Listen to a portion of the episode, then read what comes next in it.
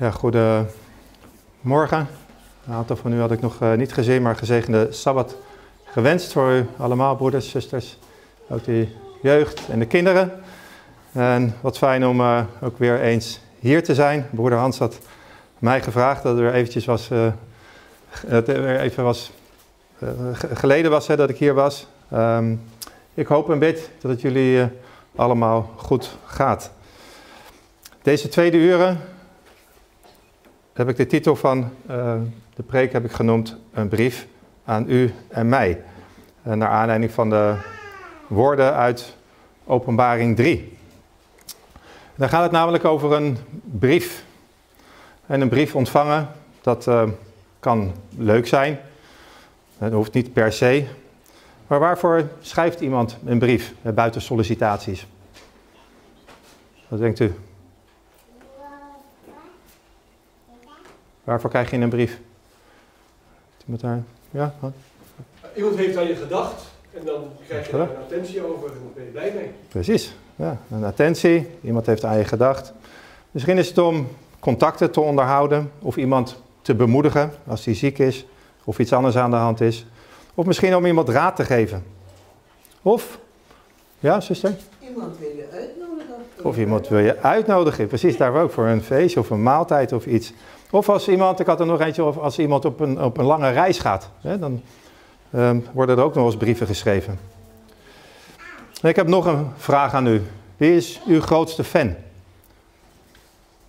Wie kan daar een antwoord op geven? Wie is uw grootste vriend? Laat ik het anders zeggen. Nou, mag ook andere antwoorden hoor. Maar Jezus hoor ik inderdaad. Oké. Dankjewel Diana. Ik ben blij dat jij dat in ieder geval zegt. Jezus is ons de uh, grote vriend. Jezus was hier op aarde, onder ons mensen, voor een belangrijke missie. En die missie was namelijk het karakter van God te openbaren. En om het verlossingsplan te vervullen. We weten uit Gods woord, hij zou betalen. En hij zou, dat hadden we, zagen we vanochtend ook in de lessen, hij zou betalen voor de zonde van alle mensen. Maar wat heeft dat nou met die brief te maken? En na zijn sterven zou hij ook zo'n lange reis maken naar de hemel. Tot aan zijn tweede wederkomst. Een reis die hij maakt van een beetje meer dan 2000 jaar. Maar stel nou eens voor dat hij een brief zou schrijven. Hij zou 2000 jaar weggaan. Wie van jullie, wie van u zou het interessant vinden om een brief van Jezus te ontvangen? Ik zie gelukkig veel vingers. En zouden jullie die niet graag willen lezen en kijken wat hij u te vertellen heeft? En natuurlijk wel. Ik wel tenminste. En die brief, u raadt het misschien al, of u weet het misschien al, maar die is er ook. De vraag is alleen, wilt u die brief ook goed lezen? En wilt u er acht op slaan wat daar ook in staat? En laten we kijken wat Jezus tot ons te zeggen heeft. Maar voordat ik naar die brief wil gaan, wil ik eerst naar Openbaring 1. Dan krijgen we een soort van introductie over zeven gemeenten.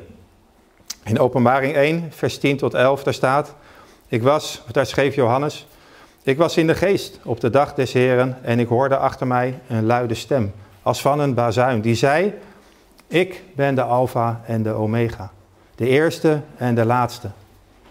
En wat u ziet, schrijf dat op een boekrol en stuur het aan de zeven gemeenten die in Azië zijn. En dan volgen de zeven gemeenten Efeze, Smyrna, Pergamus, Thyatira, Sardis, Philadelphia en Laodicea. Hier wordt gesproken over zeven gemeenten. Zeven tijdsperioden zijn dit. En een profetie die Johannes toen gaf, hè, voor ons inmiddels verleden tijd en tegenwoordige tijd. Maar een profetie voor die tijd door, uh, gegeven door hem, door Jezus, hè, door middel van Johannes. Die te midden, Jezus die te midden van de zeven kandelaren wandelt. Hij die aan het hoofd van zijn gemeente staat. In openbaring 1, vers 13, dus het laatste gedeelte van deze sheet, er staat... En te midden van de zeven kandelaren zag ik iemand die op de zoon des mensen leek. Gekleed in een gewaad tot op de voeten en op de borst omgord met een gouden gordel. En als we deze teksten zo eh, bestuderen, dan komen we erachter dat deze um, teksten zeven perioden zijn in de afgelopen, of die de afgelopen 2000 jaar beschrijven. Vanaf de tijd vlak na Jezus, de eerste gemeente, tot aan uiteindelijk ook de terugkomst van Jezus op de wolken. De zevende gemeente. En elke naam van een gemeente heeft ook een, in, in deze uh, teksten een veelzeggende betekenis. De brieven zijn geschreven aan, staat er aan engelen. En dat zijn de boodschappers of de leiding van de gemeente. Deze zeven gemeenten liggen overigens op een oude eh, postroute, zoals dat wordt genoemd, in de provincie, provincie Klein-Azië. Een provincie in het oude Romeinse Rijk.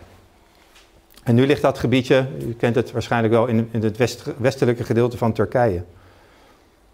En dit is een route die eerst zo vanaf Efeze linksonder zo naar boven en dan weer naar beneden gaat, naar Laodicea. En waar Johannes zat toen hij dit allemaal kreeg, was op het eiland Patmos. Dat ligt daar vlakbij. En aangezien er maar één gemeente is, en Jezus komt zijn bruid straks halen. Jezus heeft één lichaam. we kunnen deze zeven gemeenten dus alles allemaal tezamen interpreteren als zijn gemeente in die zeven verschillende periodes. En u kunt voor, dat voor uzelf ook bestuderen, hoe die kenmerken van die zeven gemeenten ook overeenkomen um, ja, um, met hoe de uh, uh, gemeenten in die tijd waren, die kenmerken. En het is een keuze aan u om daar ook iets mee te doen, met die kenmerken en die adviezen die Jezus geeft. Dat is een vrije keuze die wij van God gelukkig hebben gekregen. een vrije wil om de Heer Jezus te dienen. Hij die ons eerst heeft liefgehad, zodat we die liefde ook aan Hem kunnen teruggeven. Maar vandaag zullen we ons verdiepen, niet in alle gemeentes, um, door die periode, maar vooral in de laatste, in verband met de tijd. Dat ga ik niet alleen, uh, dat gaan we niet redden. Dus we kijken naar Laodicea en wat we hiervan kunnen leren. Um, ook vooral voor onze karaktervorming of hervorming. Als dat nodig is natuurlijk. En ik wil de brief met u lezen uit Openbaring 3, vers 14 tot 21. Er staat, en schrijf aan de engel van de gemeente in Laodicea. Dit zegt de Amen, de getrouwe en waarachtige getuige, het begin van Gods schepping. Natuurlijk wordt gesproken over Jezus. Hij, Jezus doet elke keer de aanhef in die brieven. En dan staat er nog, ik, zegt Jezus, ken uw werken en weet dat u niet koud en niet heet bent. Was u maar koud of heet. Maar omdat u lauw bent en niet koud en ook niet heet, ik zal u uit mijn mond spuwen. Want u zegt, ik ben rijk en steeds rijker geworden en heb aan niets gebrek. Maar u weet niet dat u juist, uh, juist u ellendig, beklagenswaardig, arm, blind en naakt bent. En ik raad u aan dat u van mij koopt, gelouterd, goud koopt, gelouterd door het vuur, opdat u rijk wordt, en witte klederen, opdat u bekleed bent en de schande van uw naaktheid niet openbaar wordt. En zalf uw ogen. Met ogenzalf, opdat u zult zien, kunnen zien. Ieder die ik lief heb, wijs ik terecht en bestraf ik. Wees dan ijverig en bekeer u. Zie, ik sta aan de deur en klop. Als iemand mijn stem hoort en de deur opent, zal ik bij hem binnenkomen en de maaltijd met hem gebruiken en hij met mij. Nog een laatste stukje. Wie overwint? Ik zal hem geven met mij te zitten op mijn troon, zoals ik overwonnen heb. En mij met mijn vader op de troon gezet, gezet heb. Wie oren heeft, laat hij horen wat de geest tegen de gemeten zegt. Aan het begin van deze brief zien we dat ehm, deze brief ook eh, begint met een aanhef, zoals alle brieven. Het is een brief van Jezus zelf, met een, ook met een waarschuwing die daarna volgt, en ook een aanbeveling, ook een advies en een raad. En de waarschuwing die Jezus geeft na de aanhef, is dat hij, dat klinkt eigenlijk helemaal niet zo leuk, dat Jezus zelf ons uit zijn mond zal spuwen omdat we koud nog heet zijn. En de aanbeveling is daarna dat wij gouden en witte, goud en witte klederen kunnen kopen van Jezus. En, omdat we, en dat we ogenzalf zullen aanschaffen om wat op onze ogen te smeren, zodat we goed kunnen zien. Waar ik zo nog op terugkom. Het is een brief met een les van diegene die het meest van ons houdt. En zodat we daar acht op kunnen slaan. En de brief is gericht aan de stad Laodicea zelf en aan Gods laatste gemeente vanaf 1844. En laten we deze brief ter harte nemen. We gaan hem zo nog analyseren. Maar laten we deze brief ter harte nemen en onderzoeken en kijken wat wij hier voor onszelf persoonlijk uit kunnen leren. En kijken welke oplossingen ook God aan ons toereikt. En als centrale thema ehm, wil ik dat dan ook zo benoemen als Laodicea en haar karakter. Maar voordat we dat doen, wil ik eerst wat achtergrondinformatie geven over de toenmalige stad Laodicea en de geschiedenis. Nou, Laodicea lag zo'n 60 kilometer ten zuiden van ook een stad Philadelphia, bij dat rode puntje, aan een grote handelsroute richting Efeze in Klein-Azië. En de eigenlijke stadsnaam was niet Laodicea, maar was Diospolis. Maar toen Antiochus Theos de stad herbouwde, hij heeft hem herbouwd, toen noemde hij haar Laodicea naar de naam van zijn vrouw, La Laodice, als ik het goed uitspreek. En Laodicea, de stad, werd na de herbouw werd een belangrijke en welvarende stad. Het stond onder andere bekend om geld, banken, tapijt, kledinghandel. En in de stad bevond zich ook een medische opleiding. Daar staat het ook bekend, op, bekend om. Maar daar lag ook gelijk de basis voor de verering van hun afgod um, Asclepius. En dat is de god van de geneeskunde. Dat was hun belangrijkste god.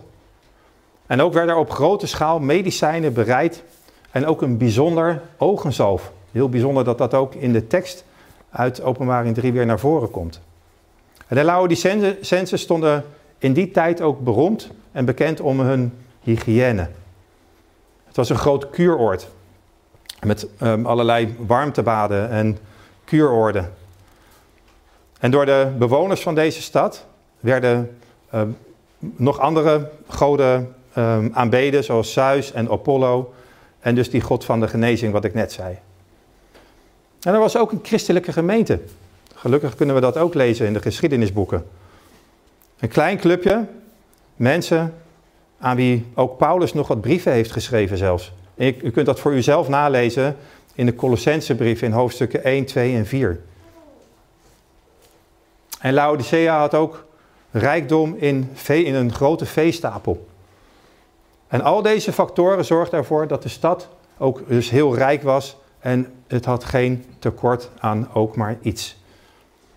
Een welvarende stad. Over het eerste deel van de afstand werd het water, daar staat het ook bekend om, via een aquaduct aangevoerd. Van hoog naar laag. En zo liep het door de stad in kubusvormige stenen blokken, waarin een gat was geboord en die daarna aan elkaar waren gemetseld. Tegen de tijd dat het water in de stad aankwam, was het echter koud, nog heet het was lauw voordat het bij de stad aankwam.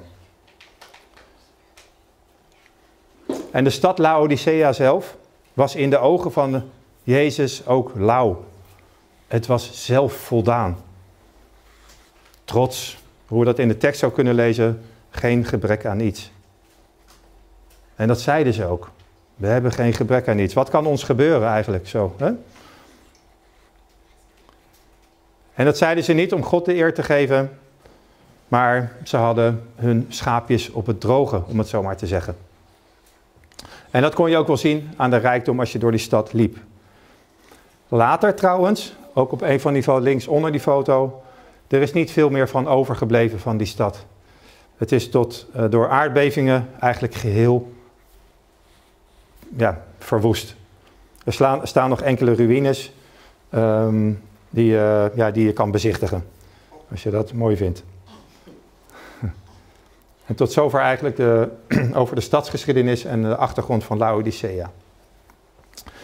Bijzonder en interessant uh, is nog om te vermelden uh, wat de betekenis is van Laodicea.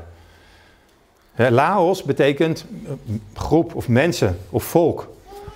En dik, ja, als je dat zo uitspreekt, betekent oordeel.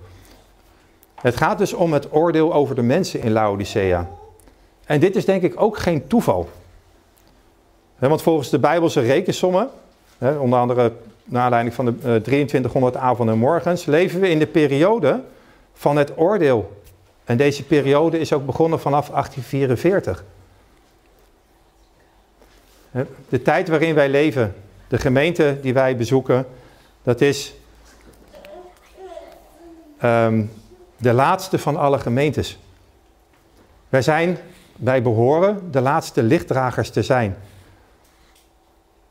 In deze tijd dat het oordeel dus wordt uitgesproken over de gelovigen. En laten we daarom ook acht slaan op deze woorden die hier gericht worden aan u en aan mij.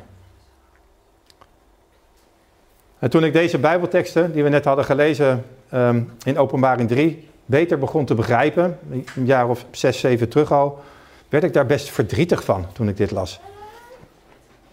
Ik dacht, wow, wordt dit allemaal over ons geschreven? Maar het staat er toch echt?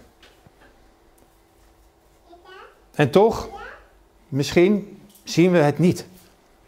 Toch zien we de toestand niet waarin we verkeren. En hoe kan dat nou? We zullen nog een, de brief nog eens doornemen en kijken naar waar het misschien niet goed gaat, maar misschien nog belangrijker waar we er ook wat van kunnen leren. Jezus laat in de aanhef van de brief, laat hij duidelijk zien dat hij persoonlijk betrokken is bij zijn gemeente. Hij is betrokken bij de toestand van elke gemeente. Hij zegt, dit zegt, of er staat, dit zegt de eerste en de laatste. In een andere brief zegt hij, dit zegt hij die het tweesnijdend zwaard heeft. In een andere brief staat, dit zegt de Zoon van God. En ook boven deze brief staat, dit zegt de Amen en de getrouwe, eh, de getrouwe en de waarachtige getuigen, het begin van Gods schepping. Ik laat het alleen zien zodat je weet dat er zeker wordt gesproken over Jezus die zo deze brieven wil delen met ons. En hoe die erbij betrokken is. En dan vervolgt de tekst met de waarschuwende woorden uit vers 15 en 16. Er staat, ik ken uw werken en weet dat u niet koud en niet heet bent. Was u maar koud of heet. Maar omdat u lauw bent en ook niet koud en ook niet heet, ik zal u uit mijn mond spuwen. Hier worden drie woorden benoemd. Hè, dat hete, dat koude, dat lauwe. Wat, wat houdt dat nou eigenlijk in? En als je koud bent, hè, je, voel je je meestal niet zo lekker. Je, bent een beetje aan het rillen, je bent niet op je gemak. Um, je bent eigenlijk arm. Eigenlijk ben je arm. Of ongeschikt. Je kan niet zoveel meer staat het symbool voor. Als je heet bent, aan de andere kant, heet is heel intens. En je bent vurig, vol van ijver. En geestelijk gezien vol liefde voor de Heer. Het is als een verliefdheid. Dat is de hete kant. En dan heb je nog ertussenin, de lauwe kant. Lauw is, als we douchen s ochtends, heet is niet fijn, Koud is ook niet fijn, maar een lauwe douche. Lekker toch, denk ik? We zijn op ons gemak misschien wel. Comfortabel. In de tekst, geen gebrek. We zitten, alles goed. Koekenij. En misschien daardoor ook onverschillig. De scherpte is er vanaf. Het is allemaal goed. Hoe kan het nu zo zijn dat Jezus in de tekst schrijft, schrijft ehm, dat, hij, dat, hij het heeft, dat hij het heeft over uitspugen of over uitspuwen? Waar gaat het dan niet goed? En wat is de toestand dan van het volk? En in de tekst kunnen we al lezen dat er staat: Ik ken uw werken. Hij kende de stad Laodicea ook, wat er zou gebeuren. En hij kende de werken van de gemeente in de laatste tijd. En hij zegt: Ik weet dat u niet koud, maar ook niet heet bent. Lauw dus.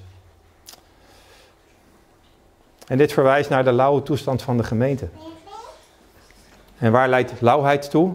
Uiteindelijk tot afwijzing. De geest der laat ons weten in uh, Schatkamer der Getuigenissen.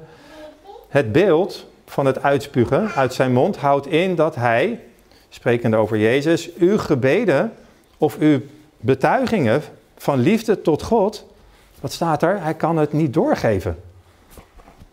Hij kan de verkondiging van zijn woord of uw geestelijke werk, wat u doet, in een of ander opzicht niet aanvaarden.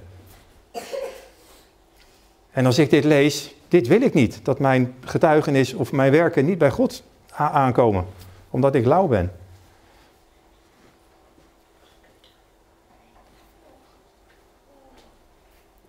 Kenmerkend voor de Laodicea-stad eh, toen en ook de gemeente nu, is dat er een periode is van relatieve rust. En, dat, en misschien herkent u dat wel ook. De afgelopen jaren, hè, relatieve rust. Mensen hebben het goed, hè, aan geen gebrek. Er staat, u bent rijk en steeds rijker geworden en hebt aan niets gebrek. En wat is het gevolg als alles alleen maar goed gaat en mensen hebben alles in overvloed aan alles. Wat is daar het gevolg van? Men wordt gemakkelijk. Alles is oké. Er is geen stress. Kijk mij eens. Ik heb het prima voor elkaar. Mijn huisje, mijn auto's, misschien meerdere auto's. Men wordt onverschillig. Misschien wel zo van, ach, we zien het wel. Nu, in ieder geval op dit moment, gaat alles goed. We hebben geen zorgen. En zo is het ook precies in de periode waarin we nu leven. In ieder geval in de periode die achter ons rug ligt. Want ik geloof ook dat we in een tijd leven waarin alles in een rap tempo verandert.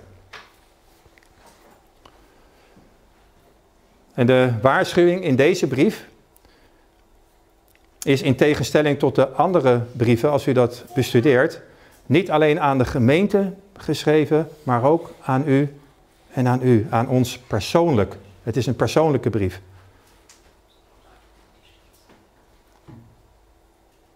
De lauwheid van het hart, de lauwheid van het denken is dat, is, een, is in een onaanvaardbare staat eigenlijk.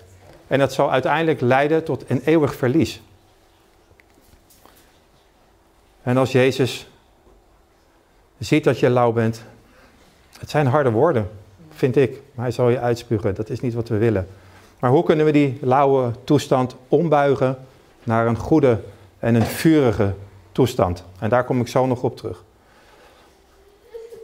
Karakterontwikkeling staat in de geest profetie, is het belangrijkste werk ooit aan menselijke wezens toevertrouwd. En nooit tevoren was een nauwkeurige studie daarvan van zo groot belang als nu. Nooit is een vroeger geslacht geroepen om werken van zo'n geweldige omgang onder de ogen te zien. Nooit eerder werden jonge mannen en vrouwen gesteld tegenover gevaren zo groot als waar, als waar tegenwoordig ze zich heden geplaatst zien.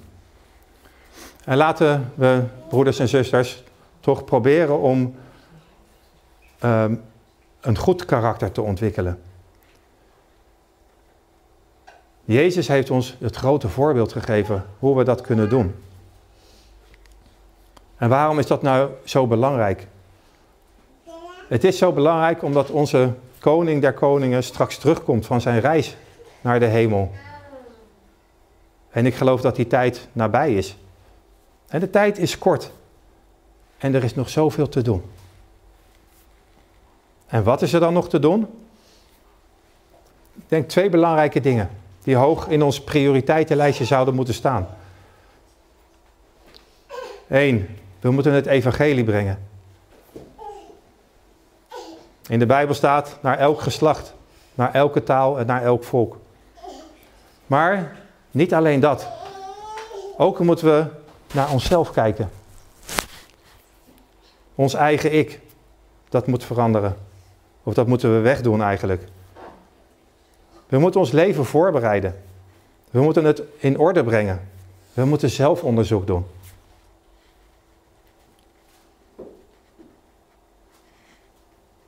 Maar een succesvolle uh, vervulling van deze twee dingen, van het brengen van het evangelie en het zelfonderzoek doen, dat um, is belangrijk, die twee dingen, voor de ontwikkeling van een liefdevol en uh, christelijk karakter. Laten we nu nog eens kijken welke andere kenmerken binnen de gemeente van Laodicea zijn. Kenmerken dus waar wij ook voor dienen te waken.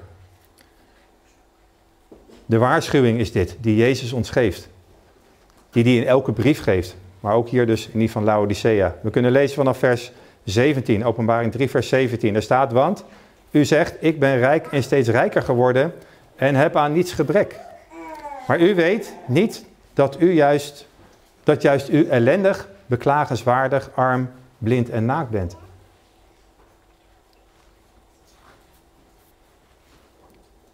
Ik ben rijk, staat er. De gemeente, maar ook vooral de individuele leden binnen de gemeente zijn rijk. Zijn rijk, zou je kunnen zeggen, aan geestelijke waarheden. Gods volk in deze tijd heeft eigenlijk al het licht ontvangen. Of het meeste licht. Waar we nog steeds in kunnen bestuderen natuurlijk. Maar, zodra zij niet nederig handelt, wordt zij trots. Trots op zijn rijkdom. En ook trots op het hebben van de waarheid. En dat is niet de bedoeling. Ja, we hadden gelezen in de geestenprofetie, net uh, in de getuigenissen, dat Jezus uw gebeden of uw uitingen of getuigenissen niet tot God kan opdragen, stond er. Dus laten wij dat in nederigheid aanpassen in ons eigen, le eigen leven en toepassen in ons eigen leven. Er staat ook nog, ik ben steeds rijker geworden. Kijk mij. Ik heb mezelf vermeerderd met allemaal goederen, met materieel. En men is trots op die rijkdom. En hij denkt ook dat hij zichzelf rijk heeft gemaakt. Dus er komt trots bij kijken. En ook een soort van opschepperij. Er staat geen gebrek aan iets, staat er. We hebben helemaal niets, niks nodig.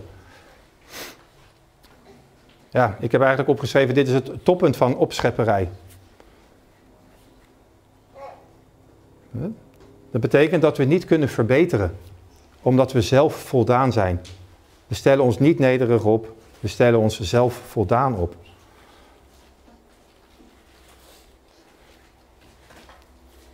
U weet het niet, staat er nog in de Bijbeltekst. Christus kent de toestand van Laodicea. Christus of Jezus weet wat er aan de hand is. Maar Laodicea zelf niet. De mensen zelf die kennen de toestand niet. in ieder geval niet de ware toestand. Men is tevreden, of we zijn tevreden met ons doen en laten. Maar we hebben niet door dat we zondigen voor het aangezicht van God. En we maken onszelf nou, misschien niet belachelijk, maar we maken onszelf wel een gemakkelijke prooi voor de duivel. Die aan ons kan. We zetten de deur op een kier. En dan nog het laatste stukje uit deze tekst. U bent ellendig en arm en blinkt en naakt. Maar waarom dan ellendig? En waarom dan beklagenswaardig, arm, blind en naakt? En we zijn in die ellende omdat we worden misleid door een grote tegenstander. We worden bedrogen, maar we hebben het niet in de gaten. En we volharden op onze eigen manier, ons eigen ik. Om toch maar op die manier door te gaan. De oude wijnzakken, we, hebben de nieuwe leer nodig. En de nieuwe wijnzakken. En dan kunnen we um, in Gods wegen wandelen. En dat geeft ware vreugde. En eigenlijk weten we dat ook wel. Dan gaan we naar Openbaring 3, vers 18. Er staat: Ik raad u aan. We krijgen ook een advies van God, van Jezus. Ik raad u aan dat u voor mij koopt goud, gelouterd door het vuur, opdat u rijk wordt. En witte klederen, opdat u bekleed bent en de schande van uw naaktheid niet openbaar wordt. En zalf uw ogen met ogenzalf, opdat u zult kunnen zien. Hij raadt ons aan, we, zien hier een, we krijgen hier een advies van Jezus. We hoeven niet in die ellende te blijven. Er is, er is ook een oplossing. En wat geeft Jezus ons aan oplossingen? Hij raadt ons aan goud te kopen. Dit staat voor het geloof. Het goud dat wij zouden moeten kopen is de ware schat van God. Dat zijn de hemelse schatten en niet de aardse schatten waar wij, ons, eh, wij ons mee verrijken. En die hemelse schatten, die zijn alleen te vinden in het geloof en de gehoorzaamheid in Jezus. In zijn waarheid en zijn wijsheid. En dat zouden, we, dat zouden ook onze werken moeten zijn. In Job 23, vers 10 zegt Job, staat er, maar hij, daar zegt Job, maar hij kent de weg die ik ga. Laat hij, God, mij beproeven. Ik zal eruit komen als goud. En we kennen het geloof van, van Job. En hij had dat goud gekocht. En dat advies geeft hij ook aan u. Dan staat er nog, we moeten gelouterd worden door het vuur. Beproefd worden door het vuur. Zuiver gemaakt worden. Dat we geen onzuiverheden meer hebben in onze levens. En Petrus omschrijft het mooi in 1 Petrus 1, vers 7. Ja, opdat de beproeving van uw geloof, die van groter waarde is dan die van goud, dat vergaat en door het vuur beproefd wordt, mag blijken te zijn tot lof en eer van de heerlijkheid bij de openbaring van Jezus Christus. Ja, we zullen daar moeten staan zonder vlek of rimpel, daar gaat het om. Gelouterd door het goud. We moeten witte kleren kopen. Witte klederen, zegt Jezus. En de witte klederen zijn het gewaad van de gerechtigheid. Van de goedheid van Jezus. En dat is alleen in Christus te vinden en niet in onszelf. En dit moet ons alles ook brengen naar diegene die ons deze brief schrijft. Christus, onze gerechtigheid. En tot slot staat er nog, we hebben ogenzalf nodig. En deze zalf, die staat symbool voor ons geestelijk vermogen. Ja, om de waarheid van de leugen te onderscheiden. En door wie wordt dat inzichtelijk gemaakt? Dat is alleen door de Heilige Geest. Door samenwerking met die Heilige Geest kunnen we deze ogenzalf op de juiste manier gebruiken. En wij moeten onze ogen zalven zodat we weer kunnen zien. En dat het ons brengt naar Christus en naar de betekenis van wat Hij voor ons heeft gedaan, namelijk in zijn dood en in zijn opstanding, in zijn kruisiging. En dat is het enige en grootste cadeau, ik denk, waar we dagelijks onze studie over moeten doen. in openbaring 3, vers 19 tot 20 staat de waarschuwing um, die ook oproept tot bekering en hervorming. Daar staat die, waar, daar staat die oproep van Jezus. Hij, hij schrijft daar, ieder die ik lief heb, ik denk dat u dat allen bent, die wijs ik terecht en bestraf ik ook. Wees dan ijverig en bekeer u. Daar staat die oproep. Wees dan ijverig en bekeer u. Hij klopt aan de deur van uw hart. Hij zegt, zie, ik sta aan de deur en klop.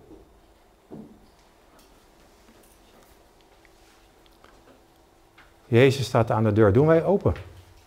De geestelijke profetie laat ons het volgende weten. Ik zag dat zoveel rotzooi hebben opgestapeld voor de deur van het hart.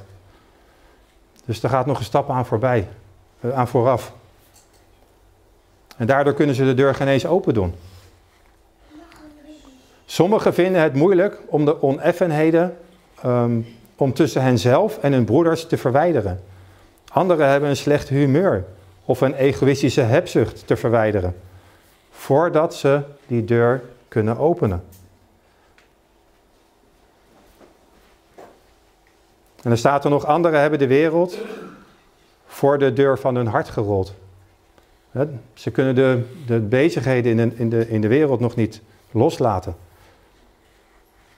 Die de deur afsluit. Al deze rotzooi moet worden weggenomen. En dan kunnen ze de deur open, openen en de heiland verwelkomen. Luisteren, laten wij toch luisteren naar deze woorden en daar iets mee doen, broeders en zusters. Ja, zodat wij straks ook, dat we die deur wel kunnen openen. En dat we de bruiloftsmaaltijd straks met hem kunnen nuttigen.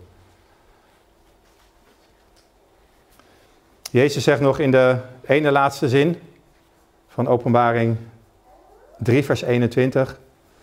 Wie overwint, ja, dus dit, die dit alles in acht neemt en daarin overwint, die zal ik geven met mij te zitten op mijn troon. Zoals ik overwonnen heb en met mij mijn vader uh, op zijn troon gezet heb. Het gaat hier over de overwinning die we met Jezus kunnen behalen. En de beloning zal groot zijn, namelijk een eeuwig leven.